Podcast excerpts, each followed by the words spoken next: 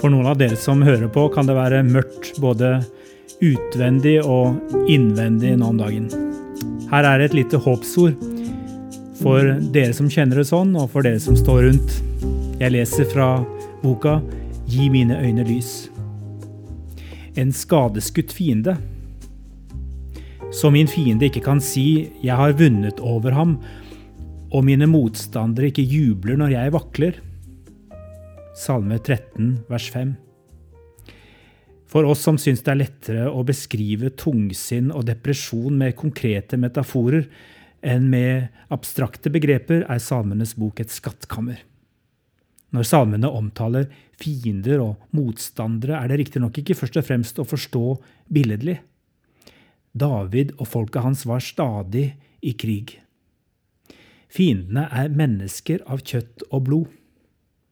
Også i dag er det mennesker i verden som er villige til å bruke vold for å bekjempe de verdier kristne står for.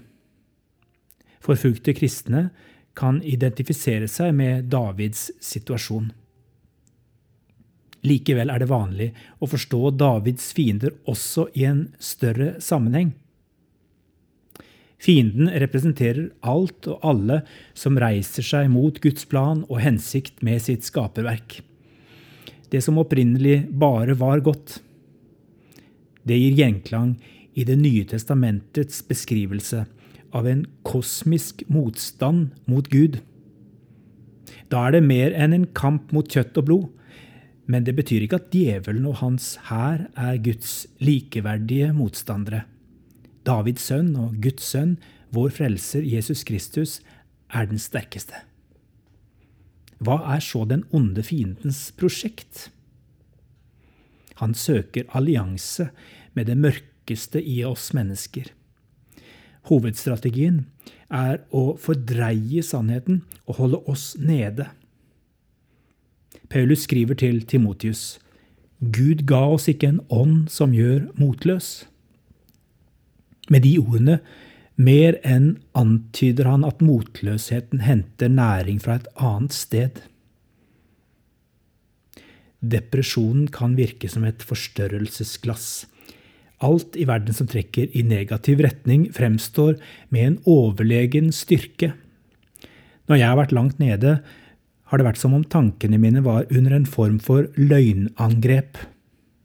Uansett hvor angrepene hadde sin opprinnelse, ga det mening å be Gud om beskyttelse mot tanker som ikke var fra ham. Paulus ber oss om å holde oppe troens skjold og å ta imot frelsens hjelm. Jeg har erfart at han som Jesus kaller løgnens far, fordreier sannheten om sin makt i denne verden. I den grad det var den ytre fienden som forsøkte å utnytte mitt sårbare sinn, trengte jeg å bli minnet om at han i virkeligheten er en slagen kjempe. Han brøler som et skadeskutt dyr, og han fortjener ikke vår oppmerksomhet.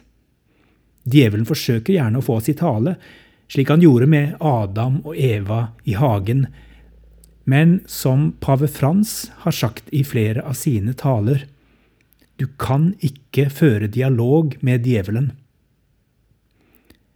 Når jeg opplever meg som beleiret av fiender på alle kanter, synlige eller usynlige, taler jeg vennlige, men bestemte ord til min sjel. Djevelen har ingen rettigheter i ditt liv, de har bare Jesus, Davids sønn. Og så synger jeg ut. Frykt ikke mere, evig er han med. Troens øye ser det, han gir liv og fred. Kristi navn er ære, seier er hans vei. Evig skal han regjere, aldri frykter jeg. Deg være ære, Herre over dødens makt. Evig skal døden være Kristus underlagt.